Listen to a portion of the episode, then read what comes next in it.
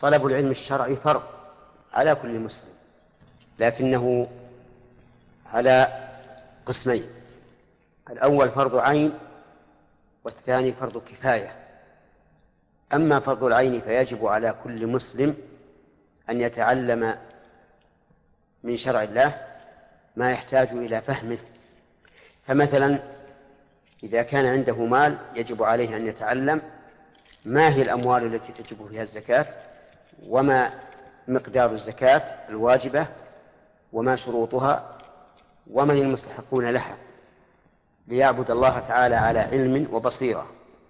إذا كان ناظرا على الأوقاف فيجب عليه أن يتعلم من أحكام الأوقاف ما يستعين به على أداء مهمته وهلم جرا أما فرض الكفاية فهو ما عدا ذلك من العلوم الشرعية فإن على الأمة الإسلامية أن تحفظ دينها بتعلم أحكامه وعلى هذا فكل طالب علم يعتبر أنه قائم بفرض كفاية. يثاب على طلبه ثواب الفريضة وهذه بشرى سارة لطلاب العلم أن يكونوا حال طلبهم قائمين بفريضة من فرائض الله عز وجل. ومن المعلوم أن القيام بالفرائض أحب إلى الله تعالى من القيام بالنوافل.